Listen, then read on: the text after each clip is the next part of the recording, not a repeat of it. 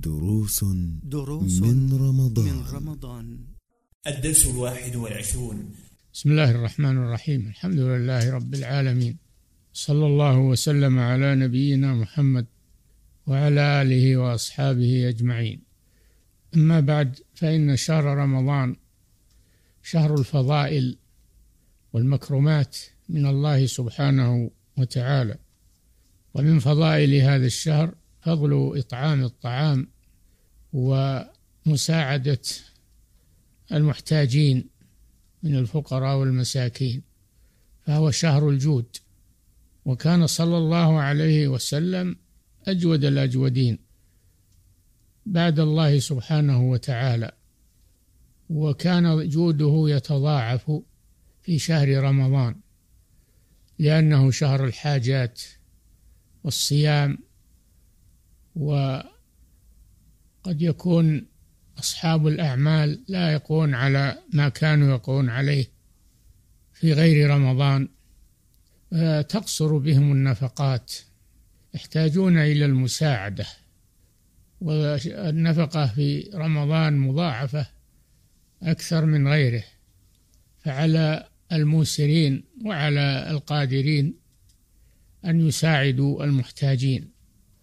كل بما يسر الله له وأقدره عليه من تخفيف الحاجة عن المحتاجين أو تحملها.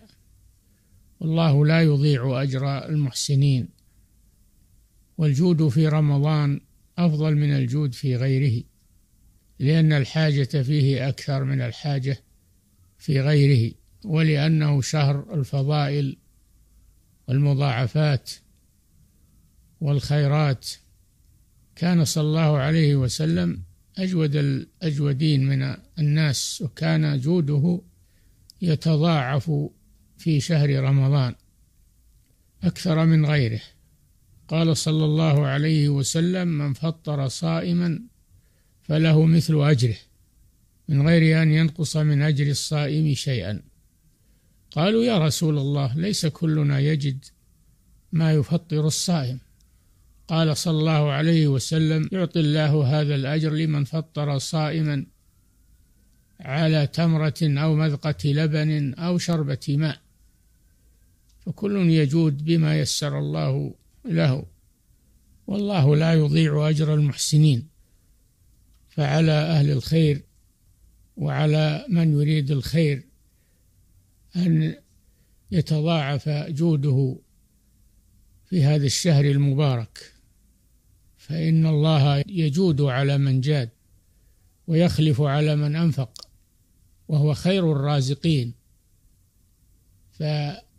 فالحديث أن الله سبحانه وتعالى يضاعف أجر المحسنين العشر الصدقة بعشر أمثالها إلى سبعمائة ضعف إلى أضعاف كثيرة.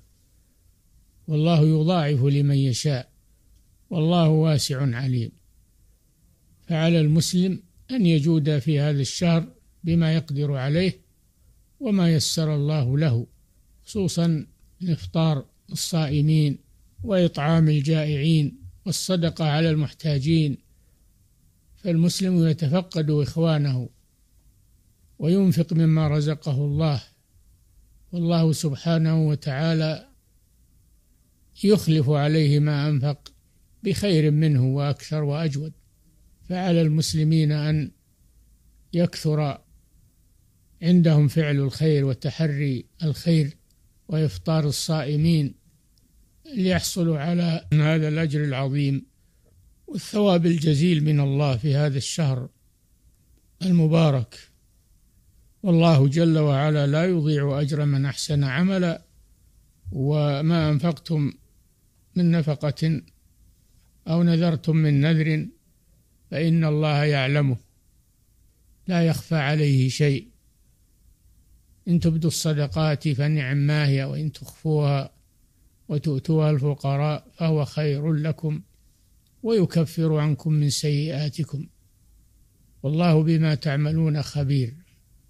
الله سبحانه لا يضيع أجور المتصدقين ولا يضيع أجور المحسنين دائما وأبدا. وفي هذا الشهر بخاصة لأنه شهر الجود شهر الكرم شهر العطاء والصدقة فيه والطاعة فيه أفضل من الصدقة والطاعة في غيره لشرف الزمان. فعلى كل مسلم أن يجتهد في هذا الشهر. الناس أو كثير من الناس إذا أقبل رمضان فإنهم يتسابقون إلى الأسواق لشراء الحوائج والمشتهيات في رمضان وينسون أو ينسى بعضهم إخوانه الفقراء والمحتاجين. فهذه خصلة يجب التنبه لها والتنبيه عليها.